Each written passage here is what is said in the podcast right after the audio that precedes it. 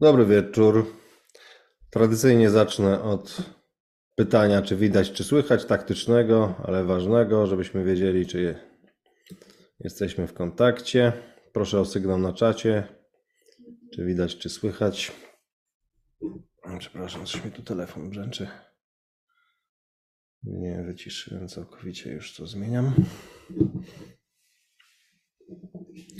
Dajcie proszę Państwa znać na czacie, czy widać, czy słychać. Ja tu czytam.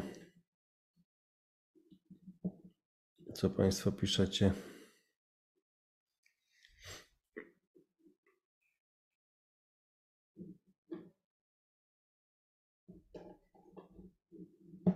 Nie widzę potwierdzenia jak na razie.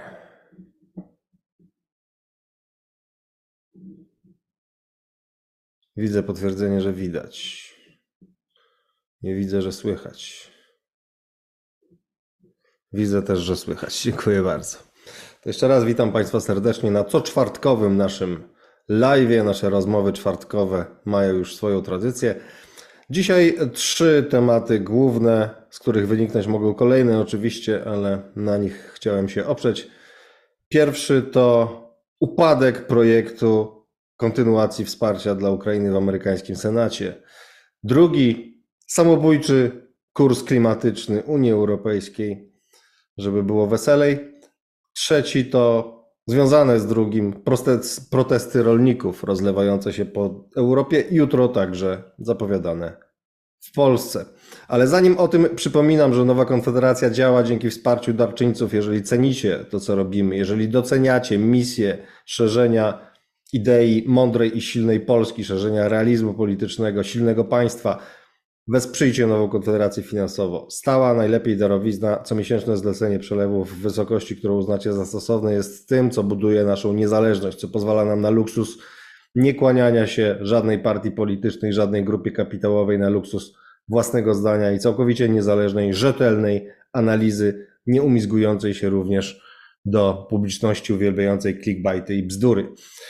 Można wspierać także poprzez zakup książek, Moja ostatnia to Nowy Porządek Globalny, ale blisko 30 już książek znajdziecie Państwo w naszym wydawnictwie, w tym klasyków takich jak Kissinger, Mearsheimer czy Dolman, czy Eugeniusz Romer Polski.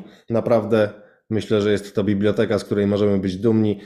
Nie musicie kupować jednego egzemplarza, kupcie dla rodziny, znajomych, to jest e, rzeczywiście wtedy odczuwalne e, wsparcie. Kamerki jeszcze tutaj widzę, że nie ustawiłem, coś w lekkim roztrzepaniu dzisiaj przystąpiłem do, do dzieła. E, Ale mam nadzieję, że na jakości intelektualnej się to nie odbije. No dobrze, przechodząc natomiast do rzeczy, do głównej treści dzisiejszego spotkania. Pierwszy nasz temat to upadek projektu wsparcia dla Ukrainy w amerykańskim kongresie. Miało być porozumienie. Lider demokratów Chris Murphy zapowiadał, że jest w sprawie tak pomocy dla Ukrainy, jak i w sprawie kryzysu granicznego. Długi przedmiot niesnaski między republikanami a demokratami rzekomo został rozwiązany. Niemniej republikanie wycofali się ze wsparcia, jak twierdzą demokraci, demokraci po tym, jak deklarowali je, deklarowali zgodę na kompromis i e, jak twierdzą niektórzy, w tym mm, e, lider republikanów w kongresie, zanamował Donalda Trumpa który po prostu czyta tę sytuację tak, według niego, według tych osób, że kryzys graniczny przedłużający się, brak jego rozwiązania zgrilluje Joe Bidena i służy Donaldowi Trumpowi w kampanii wyborczej, więc nie chce rozwiązywać wcale tego kryzysu. W związku z no w każdym bądź razie e, Ukraina padła ofiarą tego mm, procesu, jak również no, rosnącego sceptycyzmu co do kontynuacji wsparcia dla Ukrainy w elektoracie republikanów, który no, bardzo mocno, sukcesywnie, e, e, sukcesywnie rosnąc, bardzo, bardzo mocno mm, wzrósł na przestrzeni miesięcy i jest, dzisiaj nieporównywalnie wyższy niż w elektoracie demokratów. Wielka chybotliwość amerykańskiej polityki się tu po raz kolejny ujawnia wbrew naiwnym wyobrażeniom wielu w Polsce, jak, jacy to Amerykanie są zawsze mądrzy, przemyślani, stabilni, jak e, wiadomo, czego się po nich spodziewać, przynajmniej w takich imponderabiliach dotyczących polityki zagranicznej, no okazuje się nie pierwszy raz, że wcale nie, że chaos wewnętrzny, że niemoż- imposybilizm, niemożność przeforsowania projektów przez prezydenta, słabego zresztą prezydenta i słabnącego w sondażach, w związku z czym jego słowo znacznie mniej znaczy i łatwiej o tego typu chaos, tego typu targi. No i oczywiście y, sprawy wewnętrzne coraz bardziej przysłaniające sprawy międzynarodowe. Ktoś tu któregoś razu E, może słusznie mi zwrócił uwagę, że za, bardzo, za mało zwracam uwagę na amerykańskie sprawy wewnętrzne, więc tym razem e, o nich chwilę powiem. No oczywiście jest tak, że wśród Amerykanów narasta wielka frustracja związana z pauperyzacją klasy średniej, z tym jak wygląda tak zwany pas rdzy, z postępującym zacofaniem infrastrukturalnym, niedoinwestowaniem mnóstwa ważnych dziedzin. No i tak e, sfrustrowani Amerykanie, którzy w poprzednim pokoleniu często mogli sobie pozwolić na dużo więcej w porównaniu do swoich rówieśników różnych mm, czy innych grup społecznych, że no coraz mniejszą mają ochotę na wydawanie hojną ręką setek miliardów dolarów na mm, takie wojny jak wojna ukraińska. Tylko, że no jeżeli Ameryka przegra tę wojnę ukraińską, przegra po swojej stronie, bo przegrana Ukrainy to jedno, a przegrana Ameryki to drugie, to nie muszą być w pełni tożsame rzeczy, no to to będzie ciężka klęska supermocarstwa, która docelowo odbije się także na zwykłych Amerykanach. Jeżeli y, Ameryka przegra, no to ulegną kompromitacji, ulegnie kompromitacji jej wiarygodność jako mocarstwa, ponieważ wielokrotnie deklarowała, że nie pozwoli Rosji wygrać tej wojny i nie pozwoli Ukrainie jej przegrać. Więc y, zaprzeczenie tego będzie kompromitacją i amerykańskiego odstraszania, i amerykańskiej wiarygodności sojuszniczej, i amerykańskiej reputacji mocarstwowej, w związku z czym mm, no, nie ma siły, żeby to się nie przełożyło na dalsze kontestowanie amerykańskiej potęgi, na dalszy spadek amerykańskich akcji na arenie międzynarodowej. Docelowo to się przełoży także na życie zwykłych Amerykanów. Tak więc jest to swego rodzaju fałszywy dylemat w mojej ocenie, czy inwestycje w sprawy wewnętrzne, czy inwestycje w sprawy, w sprawy zewnętrzne. Ameryka jest mocarstwem morskim, odległym, pamiętajmy, i tylko projekcja siły na wielkie odległości, tylko zaangażowanie w sprawy światowe w obecnej konfiguracji może jej pozwolić na utrzymanie dotychczasowego statusu. W przeciwnym razie status ten będzie spadał. Nie ma powrotu do haseł izolacjonistycznych, co wielu w Ameryce dziś wydaje sobie, sobie wyobrażać, że można po prostu się odizolować od spraw światowych. I gdyby Ameryka chociażby odizolowała się od spraw światowych, to za jakiś czas na przykład dolar jako król dolar, prawda, zostanie zdetronizowany. Dolar jako główna waluta rezerwowa i transakcyjna jednocześnie świata jest czymś, co w znakomitym sensie lewaruje i w znakomity sposób lewaruje amerykańską potęgę. Przecież Ameryka może w łatwy sposób refinansować sobie całe mnóstwo wydatków mocarstwowych, wewnętrznych, różnorakich za pomocą potęgi dolara. Jeżeli dolar zniknie, jeżeli dolar upadnie jako główna waluta świata, to e, amerykańska potęga, jeżeli w ogóle nie upadnie, to dozna na pewno bardzo ciężkiego uszczerbku. Tak więc e, nie ma prostego powrotu do izolacjonizmu i myślę, że swego rodzaju no, głęboko fałszywy dylemat i głęboko błędne widzenie rzeczywistości tutaj się przejawia w znacznej mierze w elektoracie republikańskim i wśród liderów republikańskich także. Z drugiej strony no, mamy wymiany nieuprzejmości między Donaldem Tuskiem a republikanami. Zbeształ Donald Tusk republikańskich senatorów na Twitterze. Odpowiedział mu Elbridge Colby, były mm, wicesekretarz e, obrony amerykański, który no, powiedział, że takie słowa kwestionują, obrażają Amerykanów, urażają Amerykanów i kwestionują siłę NATO w istocie. No, myślę, że przesadne również są słowa Kolbiego i trochę niepotrzebne, natomiast e, Donald Tusk niefortunnie się wyraził nie jest to potrzebne, nic to nie daje. Jest to sprzeczne zresztą z tym, co tu mówiliśmy ostatnio ileś razy, żeby nie stawiać jednoznacznie na jedną opcję w Stanach Zjednoczonych, tylko starać się trzymać jak mądry oligarcha jajka w wielu koszykach. Czyli starać się mieć zarówno możliwość dobrych relacji z demokratami, jak i dobrych relacji z republikanami. Tego typu wypowiedzi na nic nie wniosą do sprawy ukraińskiej, a Polsce mogą tylko zaszkodzić, tak więc są niepotrzebne w moim przekonaniu.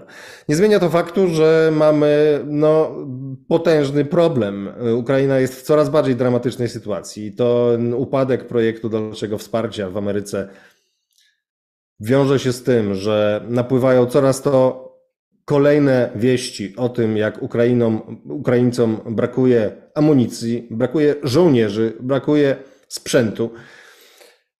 Rosja prze coraz wyraźniej na froncie i Ukraina jest w coraz trudniejszej sytuacji wojennej. Wiadomo, że nie tylko kontynuacja, ale znaczące zwiększenie wsparcia jest potrzebne, żeby mogła myśleć o szansach na nieprzegranie samotne tej wojny. Wszyscy w każdym razie trzeźwo myślący tak uważają. Wiem, że wielu życzeniowo myślących wciąż jest w Polsce, którzy wierzą w jakieś rozgromienie Rosji i Bóg wie co jeszcze. To są już raczej marzenia ściętej głowy.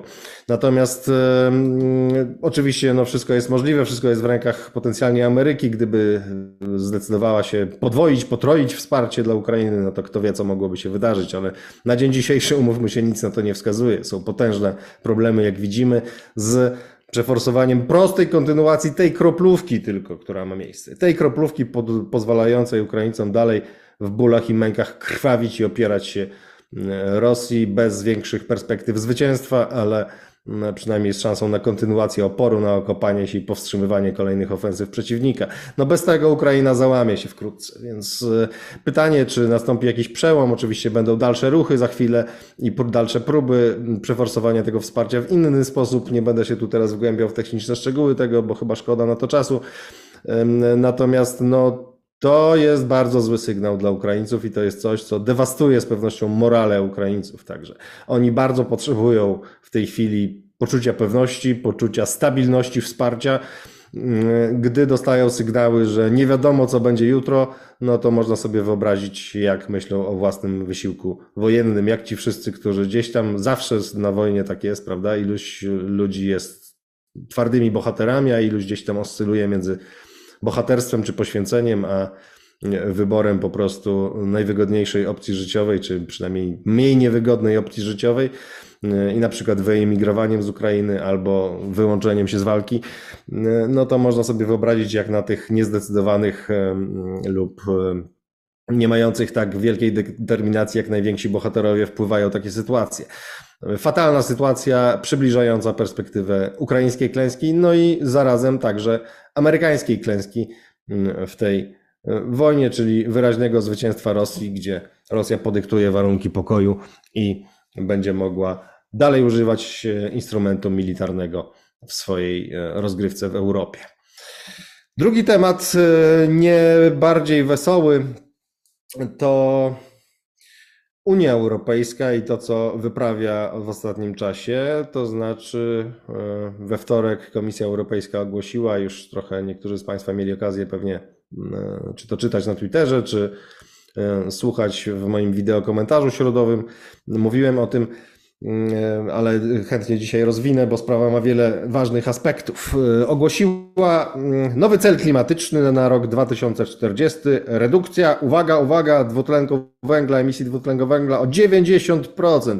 Po tym jak zrealizujemy sobie Fit for 55 do roku 2030, to potem 90%, żeby osiągnąć pełną neutralność klimatyczną, czyli 0% w 2050 roku. Dzieje się to w czasie, gdy przez Europę przelewa się fala protestów, między innymi na tle właśnie restrykcji związanych z polityką klimatyczną. Przejdziemy do tego w następnym wątku, więc teraz nie rozwijam.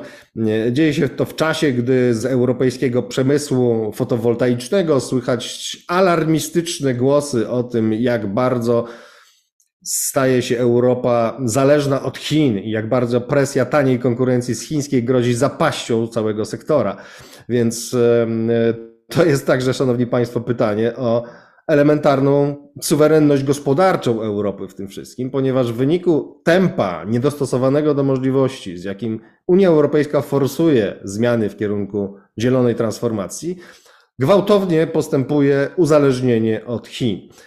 Chiny kontrolują w tym momencie około 80% globalnych łańcuchów produkcji, jeśli chodzi o krzemowe panele słoneczne. Na przykład Europa w zeszłym roku wyprodukowała 3% paneli słonecznych, których używa. Niech to nam zobrazuje skalę problemu i europejscy producenci paneli słonecznych, mówią o perspektywie implozji sektora, już nawet w perspektywie tygodni w ostatnim czasie.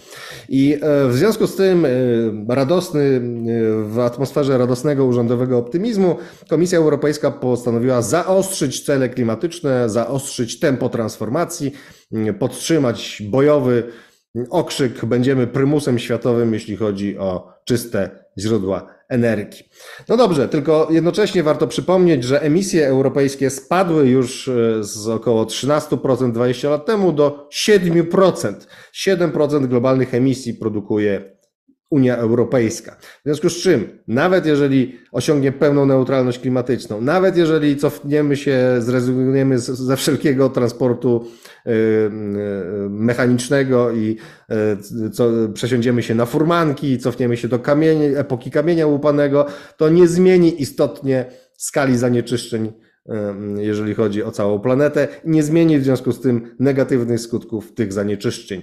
W związku z czym jest to coś, co domaga się coraz bardziej gwałtownie już nie tylko debaty, którą blokowano w wielu wymiarach w ostatnich latach lub ignorowano po prostu argumenty, ale też działań politycznych. I te działania polityczne dzisiaj podejmują przede wszystkim rolnicy, o czym powiemy zaraz. Natomiast, e, no, drodzy Państwo, co to, co to w ogóle jest? No, to jest kurs do samobójstwa Europy, nazwijmy rzeczy po imieniu. Nie mówię w tym momencie z pozycji denializmu klimatycznego, żeby była jasność. Mówię z perspektywy absolutnej troski o klimat, planetę i o sprawy z tym związane. Tylko, że no jednocześnie musimy zachować elementarną racjonalność i zdrowy rozsądek. Jeżeli pełna neutralność klimatyczna. Nie zmienia globalnego bilansu zanieczyszczeń w sposób istotny, to po co mamy być pierwsi, najszybsi i zażynać swoją gospodarkę w sytuacji, w której akurat jesteśmy zresztą na północy, prawda, tej względnie chłodniejszej północy, czyli zmiany klimatyczne o wiele mniej dotkną Europę niż kraje na przykład globalnego południa. W związku z czym, dlaczego w sytuacji, w której Chiny, będąc liderem w rozwoju zielonych technologii, czystej, czystych źródeł energii. Jednocześnie są największym trucicielem, prawda? I nie podejmują e, takich radykalnych działań. Nie pozwalają sobie na zamykanie masowe kopalń i tak dalej, tylko jednocześnie otwierają kopalnie węglowe i e, masowo inwestują w zieloną energię, jednocześnie masowo inwestują w hydroenergetykę, w atom i tak dalej. A Europa radośnie się dezindustrializuje i uzależnia zresztą od Chin, grożąc e, upadkiem E, zarżnięciem własnego przemysłu fotowoltaicznego. No drodzy Państwo, to jest y, szaleństwo. Albo korupcja, albo szaleństwo. To jest droga do samobójstwa Europy. Jesteśmy i tak w megatrendzie, bardzo niekorzystnym, w którym konkurencyjność Europy stopniowo spada. Mamy już ceny prądu w dużej mierze w wyniku tej polityki klimatycznej najwyższe na świecie. Będziemy mieć jeszcze wyższe niż e, ten najwyższy poziom na świecie. O to, że będą dalej najwyższe na świecie, to możemy być spokojni w najbliższym czasie. Nawet pomijając to, konkurencyjność Europy stopniowo w ciągu ostatnich dekad spada. Znaczenie Europy w skali globalnej maleje. Europa nie nadąża za innowacjami. Już nie tylko Stany Zjednoczone, ale i Chiny wyprzedziły ją pod e, całym e, szeregiem Mm, względów, jeżeli chodzi o nowe technologie, jeżeli chodzi o sztuczną inteligencję, robotykę, e, mm, przemysł kosmiczny, jeśli chodzi o mm, także źródła energii, e, energetykę atomową, energetykę także zieloną pod wieloma względami. Europa coraz bardziej jest za Chinami w sensie rozwoju technologicznego. I w tych warunkach spadającej konkurencyjności i powrotu do miejsca, w którym była przez większość swojej historii, czyli na światowe peryferia, unijne elity postanawiają zaostrzyć ten trend i w szybszym tempie wysłać nas na światowe peryferia, na światowy interior i obniżyć dalej konkurencyjność europejskiego przemysłu. Będzie z tego wielka bieda, drodzy Państwo, będzie eksodus biznesu europejskiego, będą rozruchy społeczne poważne, moim zdaniem, jeżeli to będzie kontynuowane. No i właśnie, tutaj jest e, asumpt do przejścia do wątku trzeciego, ponieważ działania polityczne, które klasa polityczna unijna, ale też klasy polityczne poszczególnych państw członkowskich nie podjęły w wystarczającym stopniu w ostatnich latach, podejmują dziś niejako rolnicy, którzy padają ofiarą z jednej strony taniego importu z Ukrainy i to jest jeden powód protestów w Belgii, we Francji, w Niemczech, Coraz bardziej destabilizują Niemcy te protesty. Od, na Łotwie od tego tygodnia, a także w Polsce od jutra. Protesty rolników się rozlewają. Można, myślę, się spodziewać, że kolejne kraje wkrótce dołączą, rolnicy z innych krajów dołączą. Więc no, tani import z Ukrainy to jest jedno, ale polityka klimatyczna Ukrainy, Unii Europejskiej to jest drugie i tutaj chodzi o śrubowanie norm w różnych dziedzinach, w tym o tak absurdalne regulacje, jak zmuszanie rolników do ugórowania określonych areałów ziemi dodatkowych naprzemiennie, żeby wspierać bioróżnorodność i troszczyć się właśnie o planetę. Więc rolnicy stają się ni stąd, ni zowąd jednymi z głównych i pierwszych ofiar tej polityki klimatycznej. Rolnicy są uderzani bezpośrednio po kieszeni. Rolnicy, no to tak nawiasem mówiąc, warto sięgnąć do, do dorobku na przykład świętej pamięci Krzysztofa Dzierżawskiego, który pięknie pisał swojego czasu o tym, że rolnicy, zwłaszcza tacy niedotowani niesubwencjonowanie jak w Unii Europejskiej są w pewnym sensie solą ziemi, ponieważ e, to jest kult własności, to jest kult ziemi, to jest kult ciężkiej pracy nad tą właśnie własnością. To jest e, coś bardziej stabilnego i w pewnym, pod wieloma względami bardziej wartościowego niż na przykład jakaś spekulacyjna działalność giełdowa. Związku z czym rolników e, warto chronić. Dodajmy do tego, że wbrew wyobrażeniom wielu naiwniaków, którzy za bardzo się mm, dali takiej ekonomistycznej czy neoliberalnej retoryce zwieść mm, i mówią, że a tam rolnictwo, słyszałem takie argumenty ostatnio, co pan się tak za tymi rolnikami polskimi upiera na kanwie e, sporu o e, te e, embargo jednostronne, prawda, wobec, wobec bezsłowego handlu z Ukrainą? Co pan się, słyszałem, za tymi rolnikami tak ujmuje? Przecież to jest 2% PKB. No drodzy Państwo, 2% PKB, ale to nie jest proste 2% PKB to jest coś, co dla wszystkich poważnych państw, a już na pewno wszystkich mocarstw, jest branżą strategiczną. Wszystkie mocarstwa zabiegają o samowystarczalność żywnościową na wypadek wojny lub izolacji. Jest to sprawa strategiczna. Wśród dobrych strategów, nie tam jakichś internetowych bałamutników, hochsztaplerów i clickbaiterów, e, znajdziecie analizy dotyczące tego, że samowystarczalność żywnościowa jest absolutnie kluczowa i jest ważnym elementem potęgi. Oczywiście na rolnictwie nie zbuduje się potęgi gospodarczej, ale jest ona mm, e, właśnie branżą strategiczną, wymagającą szczególnej ochrony i w związku z tym także ważnym elementem gospodarki, który należy mm, e, rozwijać. E, także rolnictwo branżą strategiczną i rolnictwo także jako europejska branża strategiczna jest w tym momencie mm, podkopywane przez politykę klimatyczną Unii Europejskiej. I właśnie w tym miejscu chciałem wyrazić solidarność z rolnikami z Polski i z rolnikami z innych krajów, którzy podejmują coś, na co politykom z różnych krajów zabrakło, brzydko mówiąc, jaj zabrakło odwagi cywilnej albo pomyślunku i nie potrafili zbudować alternatywnego dyskursu, alternatywnej agendy w tych sprawach, nie potrafili się z tym przebić, nie potrafili nic konkretnego zrobić. Bezwiednie podpisywano kolejne dokumenty, bezwiednie po prostu wpychano nas ten ślepy zaułek i e, jesteśmy tu, gdzie jesteśmy i dzisiaj e, ta coraz bardziej oderwana od rzeczywistości po prostu klasa biurokratyczno urzędnicza w Brukseli siedząca, ale też w innych krajach, po prostu sobie radośnie dokłada kolejne elementy do tej, do tej konstrukcji, do tej budowli i forsuje coraz szybszą transformację mm, klimatyczną, nie oglądając się na realia gospodarcze, na gospodarcze możliwości, na przyszłość nas wszystkich, ale też na planetę, no bo e, po co zażynać naszą gospodarkę, jeśli to nie uratuje planety? No, a że nie uratuje, to wiemy, to jasno wynika z najbardziej bazowych danych, które są wszystkim zainteresowanym znane.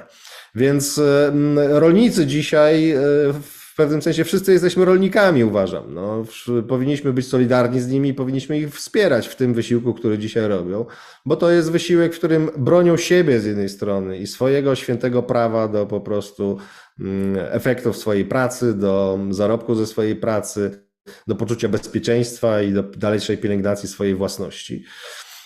Jednocześnie chronią nasze branże strategiczne, naszą samowystarczalność żywnościową na wypadek wojny lub izolacji, które coraz bardziej prawdopodobne w tych niespokojnych czasach, zauważmy. I jednocześnie no, pozwalają zacząć budować, e, zacząć budować jakąś alternatywę dla tego szaleństwa. No, chrońmy klimat, ale mądrze, chrońmy klimat, ale bez samobójstwa, chrońmy klimat, ale bez zażynania swoich branż strategicznych i bez zażynania swojej konkurencyjności i kierowania się w przyspieszonym tempie na światowe peryferia.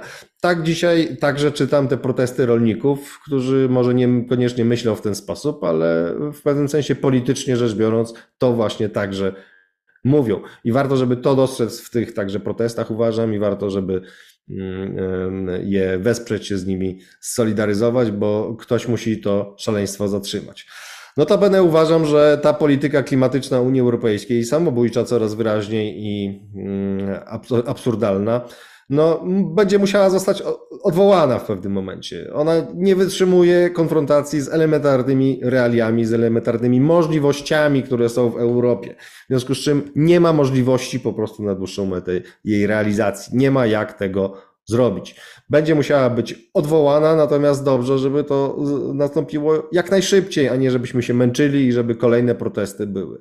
I zadaję w tym momencie pytanie, dlaczego nie na gruncie jakiegoś szalonego denializmu klimatycznego, ale na gruncie normalnej, racjonalnej debaty. Tak wielu politykom brakuje odwagi do tego, ale też tak wielu ekspertom, publicystom brakuje odwagi do tego, żeby mm, operować na podstawowych danych i wyciągać podstawowe wnioski i powiedzieć głośne nie dla, temu, dla tego absurdu, który się tutaj w Europie odgrywa, e, a który e, Europie wcale nie służy. I szanowni Państwo, to są mrzonki o tym, że zbudujemy jakąś pozycję pioniera i będziemy mieli z tego wielkie korzyści. No widać właśnie, jak to wygląda na przykładzie tej fotowoltaiki i paneli słonecznych. No zarżniemy za chwilę europejski przemysł, prawda, paneli słonecznych, żeby stać się klientami, jeśli nie wasalami w tej dziedzinie Chin e, i, i, i, i co z tego? Uratujemy planetę przez to? Nie, nie uratujemy, tylko strzelimy sobie w kolano. Więc no, ktoś musi to e, wreszcie zatrzymać. Miejmy nadzieję, że te protesty rolnicze będą początkiem refleksji i e, otrzeźwienia w tej dziedzinie. Dobrze, to tyle, drodzy Państwo, tytułem trzech y, pierwszych tematów wprowadzających, a teraz zamieniam się w słuch i we wzrok, jeżeli chodzi o Państwa uwagi, pytania. Widzę, że już sporo ich jest na czacie. Cieszę się z tego bardzo. Zachęcam do zadawania kolejnych. Będę się po kolei odnosił, dbając jednocześnie o to, żeby jak najwięcej osób miało możliwość się wypowiedzieć. Pan Baltazar Gąbka, stały tutaj słuchać, pozdrawiam. Panie Bartumieju, wydawało się, że polityka Polski względem Ukrainy będzie bardziej asertywna, jednak ostatnie wypowiedzi przedstawicieli naszej Bolandy zaprzeczają tej tezie. Po zbesztaniu premiera Orban Tusk wziął się za republikanów w USA. Z kolei minister obrony Kamysz stwierdził, że zwiększenie pomocy dla Ukrainy przez Niemcy stanowi najlepszą formę zadośćuczynienia za straty wojenne. Pewnie w Berlinie mają niezły ubaw z tego. Tak zwana elita nie ma za grosz instynktu samozachowawczego. Najdelikatniej mówiąc, czy robią to świadomie. Myślę, że akurat jeżeli chodzi o ten stosunkowo najmniej istotny wątek Niemiec i ich ubawu, to wcale nie jest to Niemcom do śmiechu, bo jest więcej takich głosów dzisiaj w Europie dotyczących tego, że w sytuacji, gdy Amerykanie dali ciała, na Niemców e, powinna spaść e, główna odpowiedzialność w związku z tym. Niemcom wcale jest to nie w smak, drodzy Państwo, żeby teraz e, wyskakiwać z kasy i po prostu tutaj podwajać, czy potrajać, czy jeszcze tam jakoś inaczej zwiększać swoje wsparcie dla Ukrainy. Nawiasem mówiąc, no, Ukraińcy też tu dołożyli swoje, wielokrotnie nazywając Niemcy, Niemcy, nie Polskę, największym swoim przyjacielem w Europie. No i faktycznie można z tego wyciągnąć wniosek, no to drodzy Niemcy, wykażcie się teraz. Tylko, że Niemcy nie mają na to najmniejszej ochoty, więc takie głosy są im niewygodne, są im nie w smak. W związku z czym takie głosy można raczej traktować jako mm, asumpt do tego, żeby Niemcy starali się Amerykanów jakoś przekonać, no ale na ile Niemcy mogą mieć wpływ na republikanów, to też sprawa wysoce wątpliwa. Natomiast zgadzam się z Pana ważną tezą, że polityka Polski względem Ukrainy okazała się bardzo mało asertywna.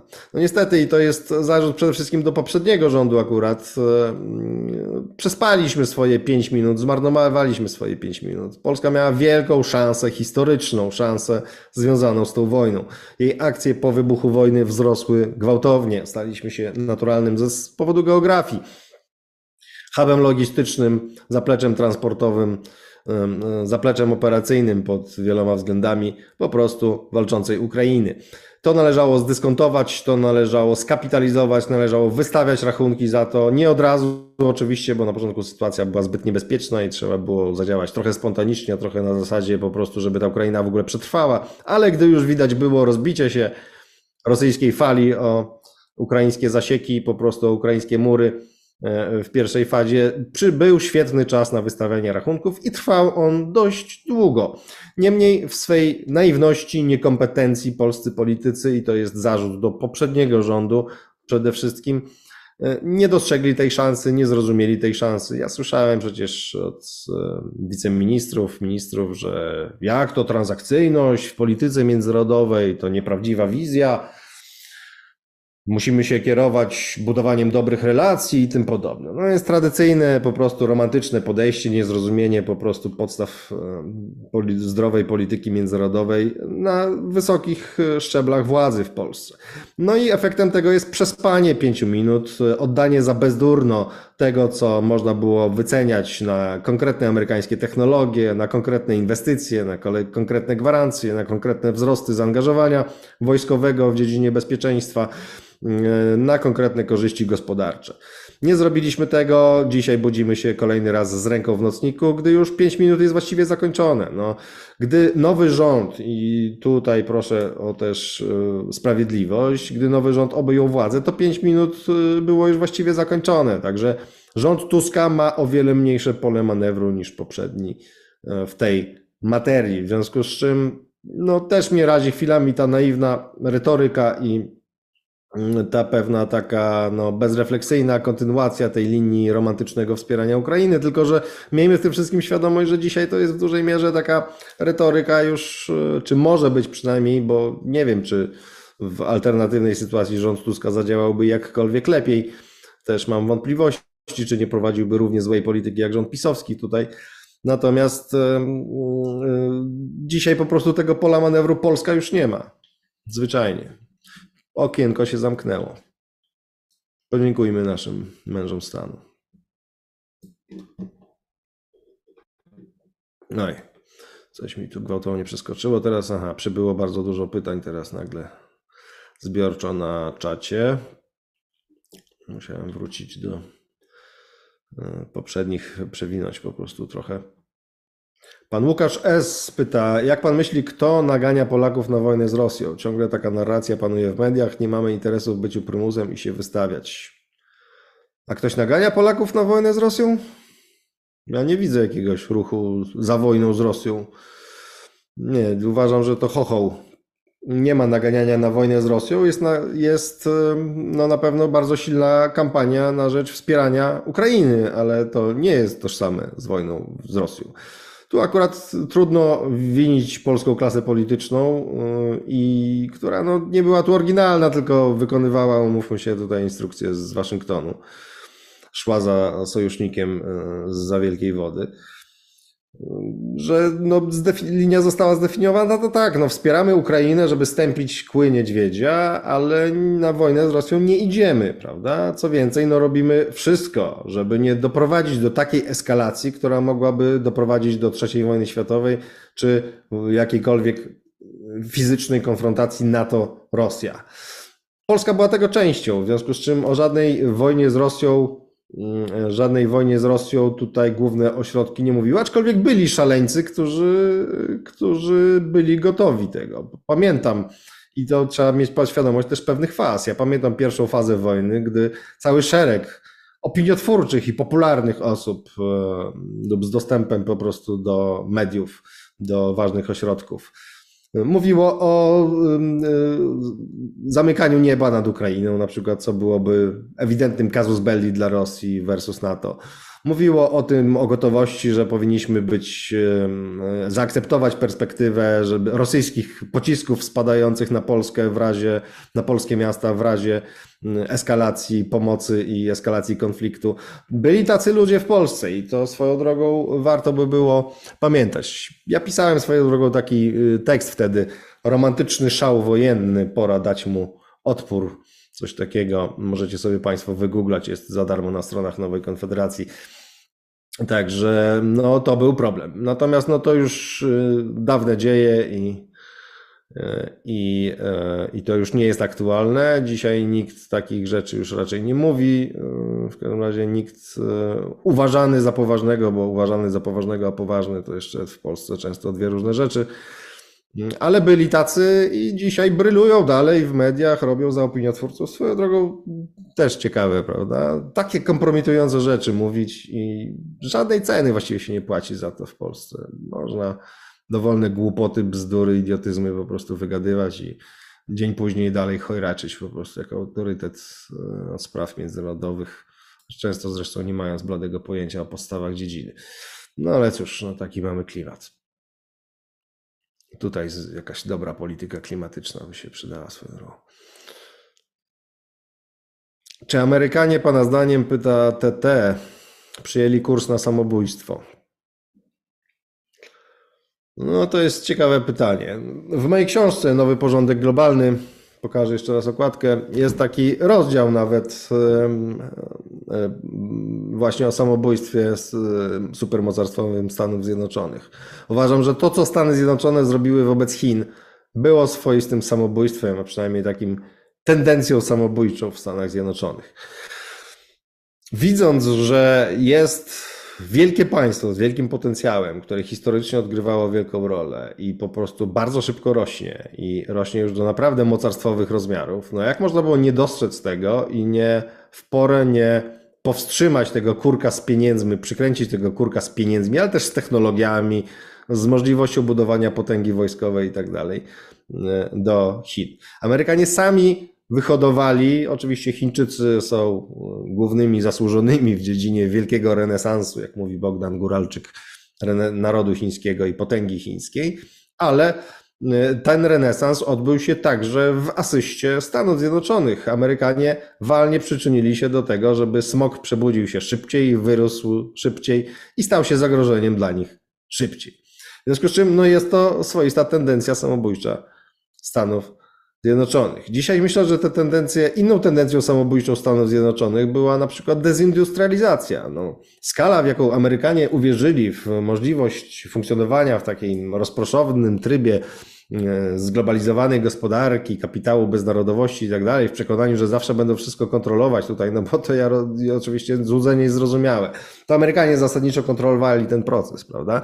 No tylko, że są pewne granice. No jeżeli zbyt dużo kapitału zostaje dla odmiany skoncentrowany w ramach innego konkurencyjnego państwa, a jednocześnie u siebie się pozwala na wypływ kapitału, produkcji mm, pewnych zasobów strategicznych ważnych, no to potem budzimy się w sytuacji, że już nie mówię o pandemii, gdy okazało się, że e, w pewnych obszarach zależności Stanów Zjednoczonych od Chin sięgają 80-90% i że Chiny, gdyby chciały, mogłyby od tak pchnąć Amerykę głębiej, był taki wątek, też pisałem o tym kiedyś w Nowej Konfederacji, e, głębiej w zapaść po prostu humanitarną, w której wtedy jeszcze były i pogorszyć po prostu tę skalę śmierci po prostu, która była w Stanach Zjednoczonych, no to, to jest efekt tego, ale to jest e, sprawa dużo także poważniejsza i sięgająca wielu innych dziedzin, produkcji przemysłowej, produkcji na potrzeby wojska także w niemałej mierze.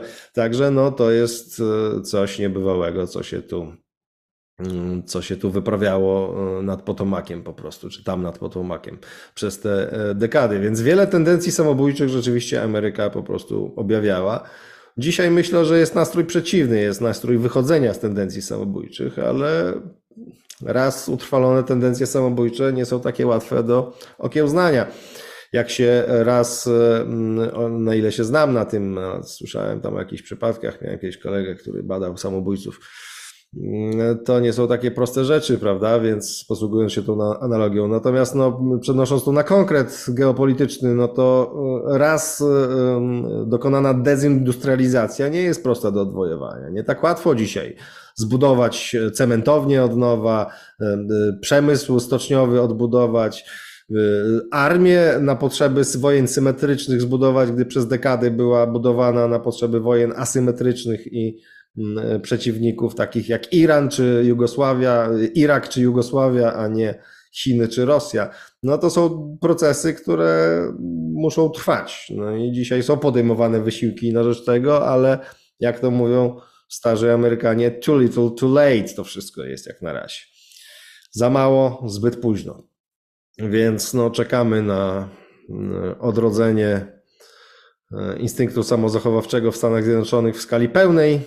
Myślę, że są dzisiaj gdzieś dopiero w połowie drogi i nie jest jasne, czy pokonają te tendencje samobójcze, które dawno temu zostały uruchomione. Co jest oczywiście no, fatalną wiadomością dla nas, to też zaznaczmy, to mówię bez krzty satysfakcji, chociaż no, uważam, że trzeba mówić prawdę, mówić jak jest i tutaj nie e, zasłaniać się jakąś poprawnością polityczną czy poprawnością sojuszniczą. No, tylko musimy wiedzieć, w jakim świecie żyjemy i czego się spodziewać po najważniejszym sojuszniku. No to jest bardzo złe dla Polski, ponieważ Ameryka jest głównym dostawcą bezpieczeństwa dla Polski, oczywiście. Więc jeżeli Ameryka upadnie albo zwinie się w sposób znaczący, no to, to będzie to wielką destabilizacją bezpieczeństwa Polski.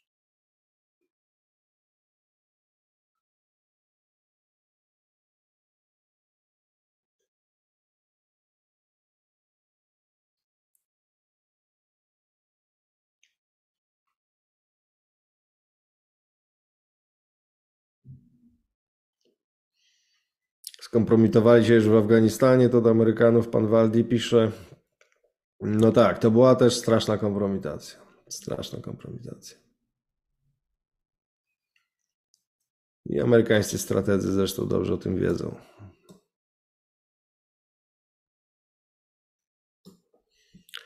Jura Małopolska pisze, że Rosja nie, nie ma nic do zaproponowania Ukraińcom. Powiedzmy, że wygra tę wojnę, co zrobi? Zajmie terytoria Ukrainy, to Ukraińcy ich podpalał przecież.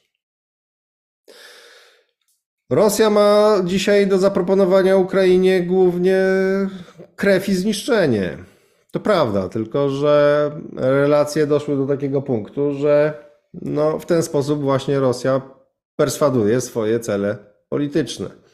Wbrew wyobrażeniom wielu, celem Rosji nigdy nie było i nie jest podbój całego terytorium Ukrainy. Co więcej, cele terytorialne sądzę, że są drugorzędne w tej wojnie. Pierwszorzędne są cele polityczne i geopolityczne. Chodzi o uniemożliwienie tego, żeby Ukraina stała się częścią Zachodu. W związku z tym, żeby tam były na przykład bazy NATO docelowo, żeby była projekcja siły amerykańska i tak dalej. Rosja chce nie dopuścić do tego, żeby Ukraina stała się częścią świata transatlantyckiego i frontalnym wrogiem Rosji.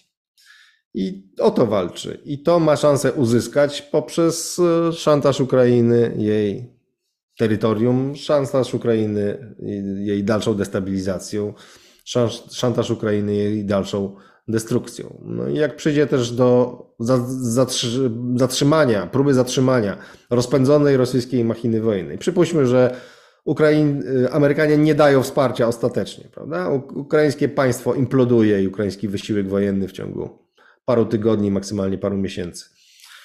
Więc Rosjanie mogą pójść dużo, dużo głębiej, mogą zająć ważne miasta, być może wrócić do tematu zajmowania Kijowa i tak dalej.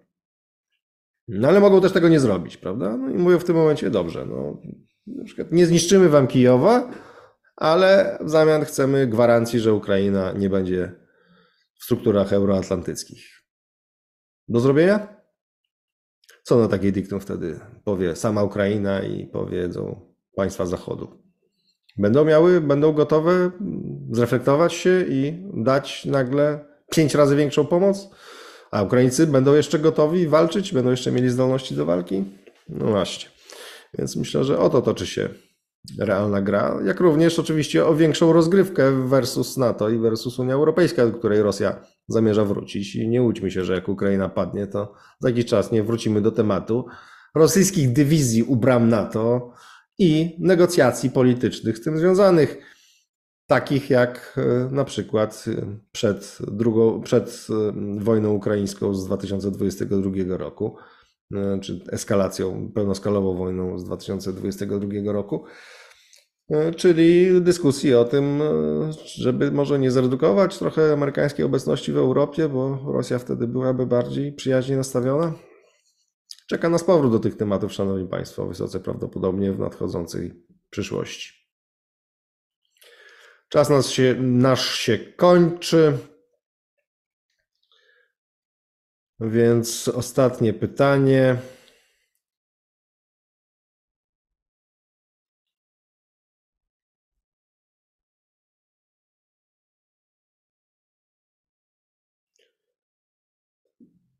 Pani Jura jeszcze dodaje, że w ogóle sądzi, że mało pan zwraca uwagi na to, co społeczeństwa danych państw sądzą, czują, czy na rękę jest im geopolityka danego kraju i tak dalej. To jest cholernie ważna rzecz.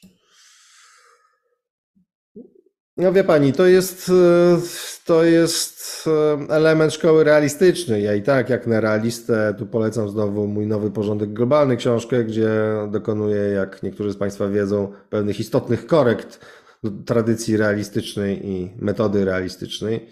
I wprowadzam właśnie takie e, czynniki jak nastroje wewnętrzne, jak e, elementy konstruktywistyczne do kalkulacji potęgi, kalkulacji siły międzynarodowej, w związku z tym kalkulacji rozgrywki międzynarodowej, podczas gdy generalnie realiści ignorują raczej te rzeczy. Wnętrza, wnętrze państwo, państwa wyłączają z analizy, w tym nastroje społeczne zwłaszcza.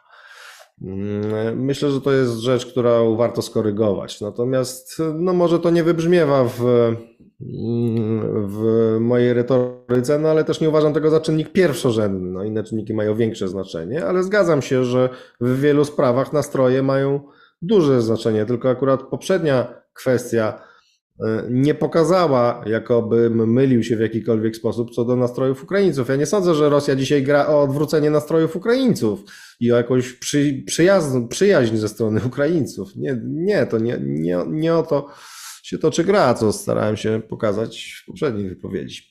No dobrze, powtórzyłem pytanie od pani Jury, czy użytkownika o nazwie Jura Małopolska. E, e, jeszcze jedno w takim razie. Pan de minimis hominid Mm, którego, który jeszcze dzisiaj nie zadawał pytania. Według Instytutu Stadiów nad wojną 38 miliardów dolarów, jakie Europa przeznacza na finansowanie ukraińskiej broni, wydaje się głównie w Stanach Zjednoczonych. Mm, no to bardzo możliwe, dlatego że Stany Zjednoczone są absolutnie niezrównanym dostawcą wojskowym. Europa ma tak mizerne zdolności produkcyjne broni, amunicji i innego potrzebnego sprzętu, że po prostu nie jest y, bardzo istotnym graczem w tym obszarze. No jest uzupełniaczem, ale nie istotnym naprawdę graczem. Bez amerykańskiego sprzętu mm, to by się nie udało. Także no, nie jest niczym dziwnym, że za te pieniądze jest w dużej mierze kupowane amerykańskie uzbrojenie, które potem trafia na Ukrainę. Tak samo zresztą jak za amerykańskie pieniądze, które Amerykanie przeznaczają po prostu na pomoc, no potem jest kupowane amerykańskie e, uzbrojenie, w jakiejś mierze też europejskie, no ale to niestety, no jak się po prostu przez lata nie dbało o armię i redukowało się armię i żyło w złudnym poczuciu końca historii, wiecznego pokoju, a tak w Europie było, i e, budowało armie ekspedycyjne do użytku do, na, jakichś misji humanitarnych w Czadzie, prawda, e, Kongo czy e, w strefie gazy, no to dzisiaj mamy tego skutki. No, dzisiaj Europa nie jest w stanie samodzielnie, nie byłaby w stanie samodzielnie zapewnić Ukrainy wsparcia. Gdyby na samej Europie Ukraina polegała, to już dawno by, już dawno by padła. To żebyśmy mieli jasność co do tego. No dobrze, drodzy Państwo. Aha, no i może jeszcze na koniec jedno uzupełnienie. To znaczy z tą zieloną jeszcze e, rewolucją i coraz bardziej przechodzącą w zielone szaleństwo w Europie. Czyli prowadzeniem, e, rygorysty, rygorystycznych celów klimatycznych, które ani nie ratują planety, a zabijają coraz bardziej europejską konkurencyjność i europejską siłę. To jeszcze zwróćmy uwagę na jedną rzecz. To znaczy, Europa się rozbroiła, przez ostatnie dekady i dzisiaj wojna ukraińska budzi y, wielu w Europie. Amerykanie naciskają na to, jak mogą, żeby to przebudzenie nastąpiło, do tego, żeby się remilitaryzowała Europa, żeby się na nowo uzbroić, żeby następnym razem już nie być takim słabiakiem, który w konfrontacji z Rosją miałby mizerne szanse. Jak to zrobić w warunkach redukcji emisji o 90% w ciągu 15 lat? Jak to zrobić w warunkach tak ostrej polityki klimatycznej? Czy to się da pogodzić? Wydaje mi się, że tu się ja- kreś wyłania bardzo jasny dylemat. Nie da się jednocześnie prowadzić tak radykalnej polityki klimatycznej, remilitaryzować się i przeciwdziałać spychaniu Europy przez y, megatrendy światowej polityki, żeby była jasność, ale też wieloletnie, idące wiele dekad zaniedbania i błędy Zachodu i Europy konkretnie. Przeciwdziałaniu spychania Europy na peryferyjne pozycje w systemie światowym. Nie da się tych trzech rzeczy robić jednocześnie. Trzeba wybrać. Tak więc e, no, z tą myślą tu jeszcze Państwa zostawię. Dziękując bardzo za dziś. Dobrze było się znowu spotkać. E, Ciekawa dyskusja, ciekawe pytania i uwagi. Przypominam, jeżeli e, podobało Wam się, dajcie łapki w górę, zostawcie komentarz, udostępnijcie w swoich mediach społecznościowych. To zawsze ważne dla nas, ale też e, rozważcie wsparcie Nowej Konfederacji stałą darowizną. Możecie wspierać też zakupem książek. Prawie 30 pozycji w naszej bibliotece. Moja ostatnia to Nowy Porządek Globalny, która akurat nam się tu napatoczyła w dzisiejszej dyskusji na kilka sposobów, no ale myślę, że to jest pozycja, która się przydaje do wielu analiz i do rozumienia współczesnego świata. Dziękuję za dziś. Zapraszam za tydzień o 19. W międzyczasie pomówmy realnie. Wywiad następny w najbliższy wtorek o 17. W środę prawdopodobnie kolejne patrząc realnie, czyli moja kolejna analiza tematów bieżących. Dziękuję, pozdrawiam, do zobaczenia.